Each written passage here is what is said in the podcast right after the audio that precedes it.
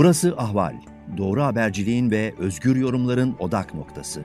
Podcast yayınımıza hoş geldiniz.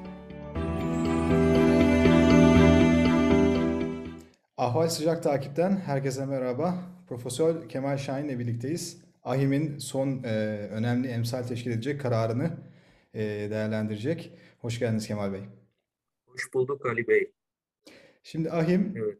çok da geç olan aslında e, bir kararla daha önce 15 Temmuz darbe girişiminin ardından ihraç edilen ve tutuklanan bazı hakim ve savcıların açtıkları davalarda bir hak ihlali kararı verdi. Ve e, Türkiye'yi de her bir e, davacı için 5, 5, 5 bin euro tazminat ödemeye mahkum etti. Ve bunu evet. e, önümüzdeki dönemde bu davadan gelecek hak ihlallerinin artacağı, bu sayının binleri hatta belki de iki binleri bulabileceği söyleniyor. Bu kararı böyle e, sizin için de böyle değer baktığınızda geç verilmiş bir karar mı? Geç verilmiş olsa da önümüzdeki döneme yönelik nasıl bir etkisi olacak? Onu değerlendirmenizi isteyeceğim. Evet, teşekkür ederim. Şimdi e, tabii e, bu karar geç verilmiş bir karar mı? E, Türkiye'deki hak ihlalleriyle ilgili olarak genel olarak hani artık bu hak ihlalleri e, yaygın ve sistematik bir karakter arz ettiği için AHİM'in e, geç davrandığını, e, ötelediğini e, hepimiz müşahede ediyoruz. Yani olaya mümkün olduğunca müdahil olmak istemiyor. E, böyle bir görüntü arz ediyor şimdiye kadar ki yaptıklarıyla, verdikleri kararlarla.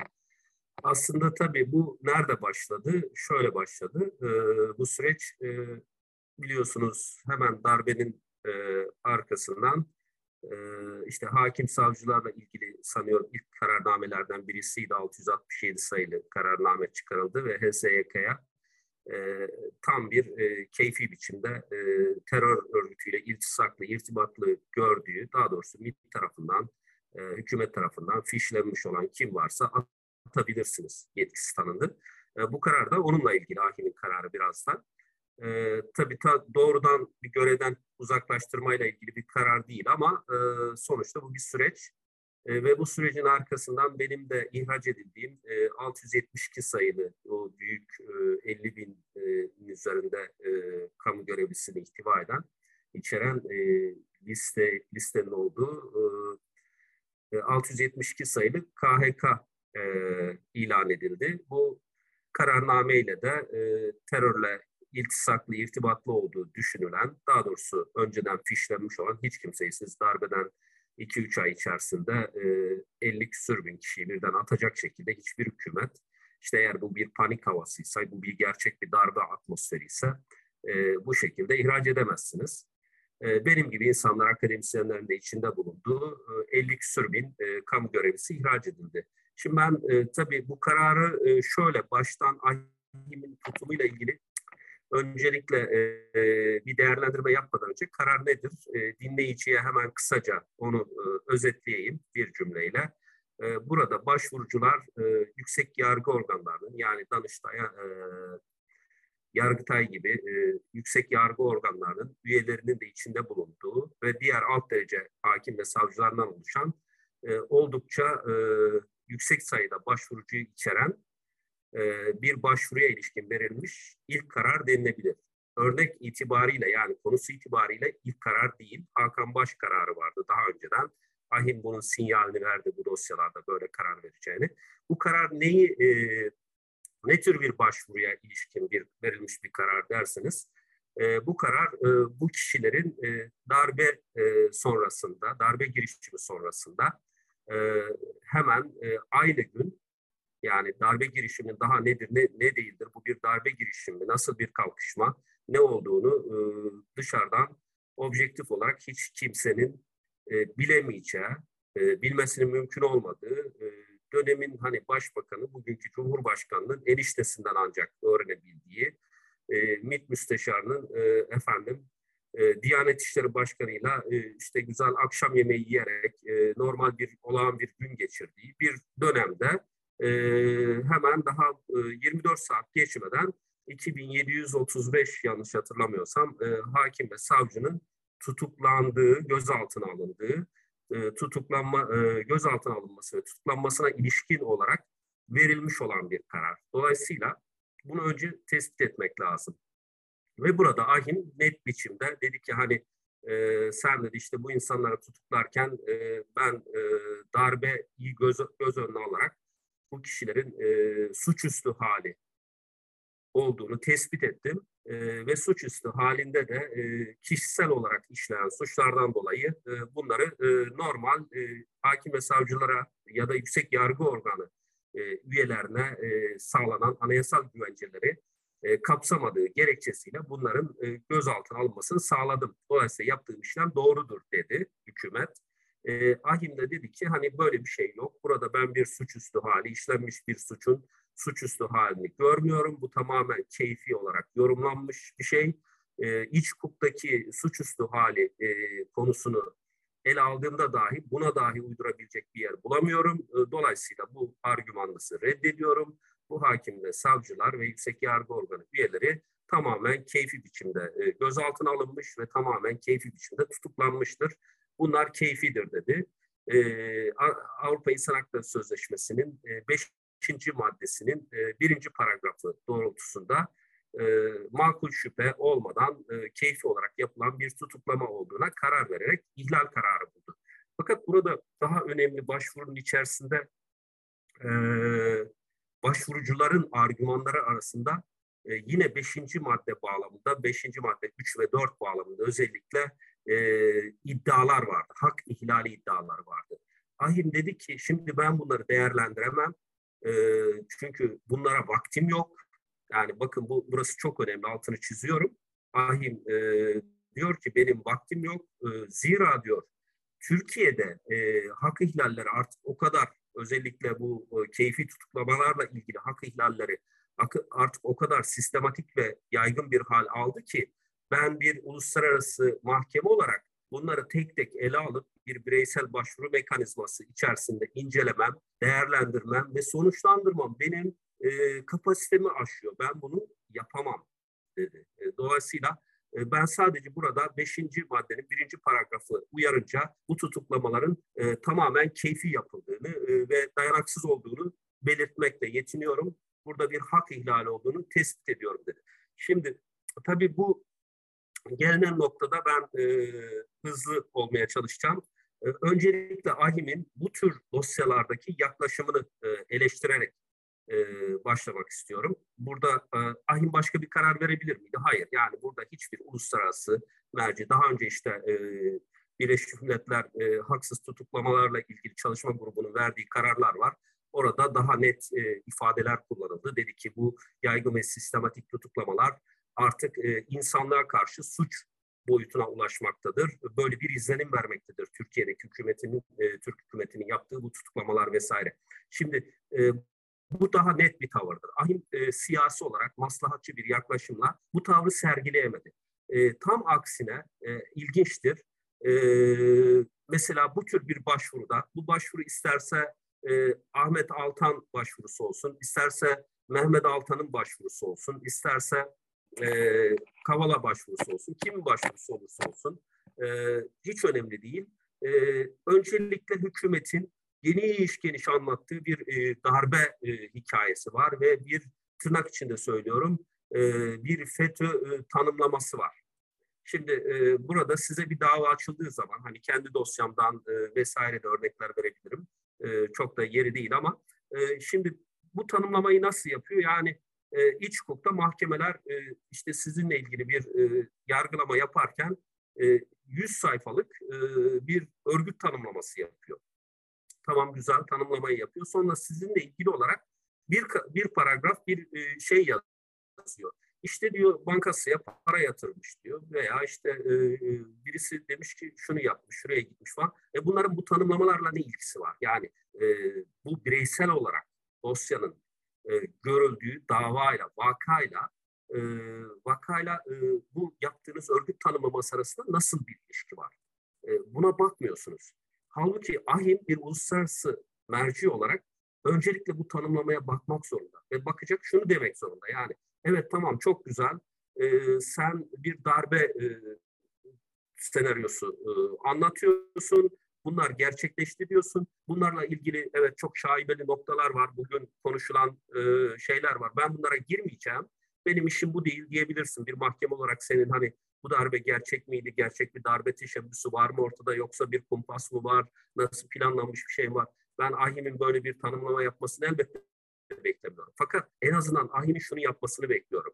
Yani bunu yapmadığı sürece bu dosyalarda gerçekten bir karar vermiş, mahkemenin e, varlık nedeni olan, hani sözleşme e, kurulurken, hazırlanırken işte artık Avrupa'da totaliter sistemlere izin vermemeliyiz anlayışıyla e, ortaya konulmuş olan bir e, fikri, ideolojik yaklaşımı kenara bırakarak, e, bir anlayışı kenara bırakarak siz e, hükümetin bu konudaki argümanları sanki gerçekmiş gibi ele alıp bunları bir güzel tanımlarsanız ki bu dosyalarda bunu yapıyor ahim, o zaman siz bu vakaların e, mahiyetine uygun bir karar vermiş olmazsınız, olamazsınız. Neden? Çünkü benim dosyam e, ahimin önüne geldiği zaman ahimin şunu yapması lazım. Evet sen bunu tanımlıyorsun hükümete. Tamam ben buna karşı değilim. Yapabilirsin. Burada bir ohal ilan etmişsin. Benim işim hani bunun ne kadar gerçek ne kadar değil. Bunu irdelemek, bu konuda bir e, analiz yapmak değil. Ama en en azından ben şunu görmek istiyorum. Bu başvurucu özelinde sen bu başvurucuya hakkında işte bir tutuklama tedbiri uygulamış isen bu başvurucu özelinde bu anlattığın hikaye yani Mehmet Altan'ın tutuklandığı olayda ya da işte şu hakimlerin daha darbe ortada nedir ne değildir e, bu neyin nesidir diye konuşulduğu bir yerde e, ilk gün daha e, 2735 hakimi tutukluyorsun. Ya bu nasıl oluyor? Şimdi bu insanların darbeyle e, ilişkisini nasıl kurdun? Bu anlattığın hikayeyle, olayla, vakayla bu kişilerin tutuklanması arasında nasıl bir ilişki kurdun bu dava veya vaka özelinde, case özelinde nasıl bir ilişki kurdun da bana bu senaryoyu anlatıyorsun. Bana o zaman bunu anlatma sen. Ya bunlarla alakalı bir ilişki kur gel. E, bu dosyalarla, bu darbe vesaire ne diyorsan artık. Bunun arasında bir ilişki kur gel ya da bana bunu anlatma demesi lazım. Bir mahkemenin yapması gereken şey budur. Biz buna ne diyoruz? Hukukun en temel ilkelerinden birisi illiyet bağı ya da nedensellik bağı diyoruz. Eğer bir nedensellik bağı iki olay arasında, suçlamayla eylem arasında bir nedensellik bağı kurulamıyorsa o olayı o suçlamanın temeli olarak, gerekçesi olarak siz anlatamazsınız. Anlatırsanız bunu bir en azından uluslararası mahkemenin e, eliyle, elinin tersiyle itmesi ve bana bunu anlatma demesi beklenirken ahim maalesef maslahatçı bir yaklaşımla e, sanki e, anlatılan hikayeyle e, başvurucular ya da başvurucu arasında bir bağlantı, bir illiyet bağı, nedensellik bağı varmış gibi e, kabul ederek e, veya kabul etmeyerek en azından e, böyle bir izlenim vererek bu hikayeyi anlatması, bu hikayeye yer vermesi kabul edilebilir bir şey değildir. Yani bu hikayeye belki... Şey mi diyorsunuz? Ahim'in kararı aslında eksik bir karar. Hakimin kararı doğru bir karar. Yani evet ihlal var. Bunları keyfi tutuklamışsın. Bu yanlış bir karar değil. Fakat Ahim'in bu kararı vererek bazen kararın yazılışı da çok önemlidir. Yani neticenin doğru olması yetmez. Bir kararı yazarken ne tür gerekçelerle yazdığınız, e, hangi argümanları e, nasıl değerlendirdiğiniz bu da çok önemlidir. Kararın kendisi kadar önemlidir, sonucu kadar önemlidir. Dolayısıyla Ahim kararı yazarken evet eksik ve yanlış bir yöntem izlemekte, doğru bir yöntem izlemiyor. Hükümetin argümanlarını başvurucu özelinde bu argümanların ya da anlattığı hikayenin ilgisinin olup olmadığına bakmaksızın oraya koyuyor. Onu koymaması lazım. Mesela benim dosyama ahim bunu koyamaz. Hükümetin koyması önemli değil. Ahim bunu aldığı zaman, incelediği zaman şunu demesi lazım. Tamam bu hikayeyi anlattın, kabul ettim. Ama bu başvurucuyla alakalı bu başvurucuyla ilgili olarak, Kemal Şahin'le ilgili olarak nedir? Yani bu adam hayatında işte e, üniversitede geçirmiş hayatını, e, insan hakları savunusuna adamış, yazdığı eserler, anlatımları, konferansları, öğrencilerine anlattığı dersler, nerede ben, e, hangi üniversitede olursa olsun değişmeksizin belli bir çizgisi var. Ve bu anlattığı, yüz, yazdığı yüzlerce sayfa içerisinde binlerce sayfa içerisinde anlattıkları ve yazdıkları binlerce sayfa içerisinde sen e, bu darbeyle ya da herhangi bir şiddet e, olayıyla veyahut da herhangi bir hukuksuzlukla nasıl bir bağlantı kurdun ki bunun dosyasına bunu yazabiliyorsun ve benim kararda bundan söz etmemi istiyorsun diye ahimin bir yorum yapması beklenir. bir uluslararası mahkemenin buna direnmesi gerekir. Maalesef e, ahim buna direnmiyor. E, hükümetin argümanlarını sanki e, bunlar geçerli. Efendim bu başvurucular e, özelinde, bu vakalar e, e özelinde bunlar geçerli argümanlar gibi. Bunlar dikkate değer, değerlendirilmesi gereken argümanlarmış gibi sunuyor. Halbuki 15 Temmuz'u e, ben ahim bunu söylesin demiyorum ama şöyle bir yakınından geçip irdelerseniz şimdi 15 Temmuz'da eğer ben tutuklanıyorsam, ben terörist ilan ediyorsam ben kendi adıma bütün dünyaya şunu haykırabilirim. Başkasını belki şu anda e, söylemeyebilirim ama ben kendi adıma en azından çıkın kardeşim benim bu darbeyle ya da herhangi bir şiddet olayıyla şimdiye kadar veya herhangi bir hukuksuzlukla e, bir bağlantımı bulun. Koyun ortaya. Beni niye attınız?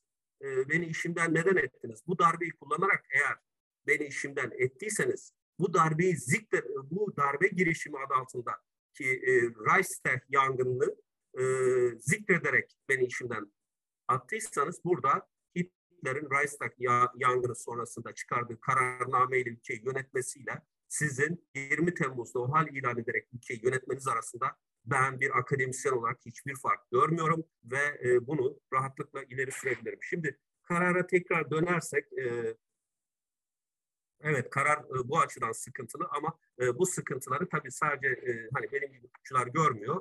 E, mahkemede üç yargıcın e, şey var, e, karşı oy yazıları, muhalefet şerhleri var. Orada açıkça e, yargıç Koskelo'nun, Ranzoni de katılıyor ona. E, burada hükümetin e, yaptığı bu argüman, e, ileri sürdüğü argümanların e, nasıl tutarsız olduğunu e, ben notlar aldım. Bunları anlatıyor. Detayla girmek istemiyorum ama e, öz, özellikle yargıç Kuriş'in e, 38. paragrafta bir değerlendirmesi var. Herkesin okumasını isterim. E, Ahim'in tutumunu görmesi, anlaması bakımından. Diyor ki özetle e, yargıç Kuriş, eğer diyor bir hükümet, sen bunu hani söylüyorsun artık bu tutuklamalar, e, beşinci maddeyle ilgili ihlal vakaları Türkiye'de öylesine sistematik ve yaygın hale geldi ki ben bunları tek tek inceleyip e, e, bunları e, sonuçlandırmaya kalkarsam bu benim e, iş yükümü öylesine artırır ki ben bunun altında kalır, ezilirim diyorsun ama bu şu anlama geliyor aynı zamanda. Yani bir hükümet e, e, bireysel olarak diyelim ki Almanya, Fransa, işte İskandinav ülkeleri, Benelux ülkeleri e, bir ihlal e, gerçekleştirdiğinde e, ya da bir ihlale, sözleşme ihlaline yol açtıklarında bunlarla ilgili güzel güzel bütün gerekçeleriyle detaylı kararlar verebilirim ve bunları mahkum ederim bu ülkelere. Ama Türkiye gibi otoriter bir rejim artık insan haklarını ben tanımıyorum anayasayı, hukuk devletini, hiçbir ülkeyi tanımıyorum diyen bir ülke sistematik ve yaygın insan hakları ihlallerine başlar, insanlığa karşı suç boyutuna varacak düzeyde insan hakları ihlalleri yaparsa ben bunu değerlendiremem. Çünkü bu benim boyumun ölçüsünü aşıyor. Ben bu kadar case'i, bu kadar vakayı alıp inceleyemem diyorsan e, bu bir anlamda ahimin e, iflas bayrağını çekmesi. E, bu işin altında kalıyorum. Bu benim işim değil demesi anlamına geliyor. Bunu da yargıç Kuriş çok net şekilde 38. paragrafta e, ifade etmiş. Benim burada e, yargıç Kuriş'in değerlendirmesine ek olarak artık bu mesele Ahim'in e, boyu belki hani e, Ahim boyutunu aşıp belki e, bir gün Uluslararası Ceza Mahkemesi'nde değerlendirilmesi gereken e, bir konu olması gerektiğini çünkü bireysel vakaların artık ahim tarafından maalesef belki maslahatçı, belki politik, belki de gerçekten iş yükü e, bahanesiyle veya sebebiyle e, altından kalkamayacağı bir meseleye dönüştüğünü düşünüyorum. Peki, e, çok teşekkür ederiz Kemal Bey değerli görüşleriniz için. E, Sağ olun, ben teşekkür ederim. Beni e, aldığınız için programa. E, teşekkür Sağ olun, size de iyi günler dilerim. Hoşçakalın. Sağ olun. Ahval podcastlerini tüm mobil telefonlarda Spotify, SoundCloud ve Spreaker üzerinden dinleyebilirsiniz. Apple iPhone kullanıcıları bize iTunes üzerinden de ulaşabilir. Türkiye'nin ve hayatın cıvıl cıvıl sesleri Ahval Podcast dizisinde. Kulağınız bizde olsun.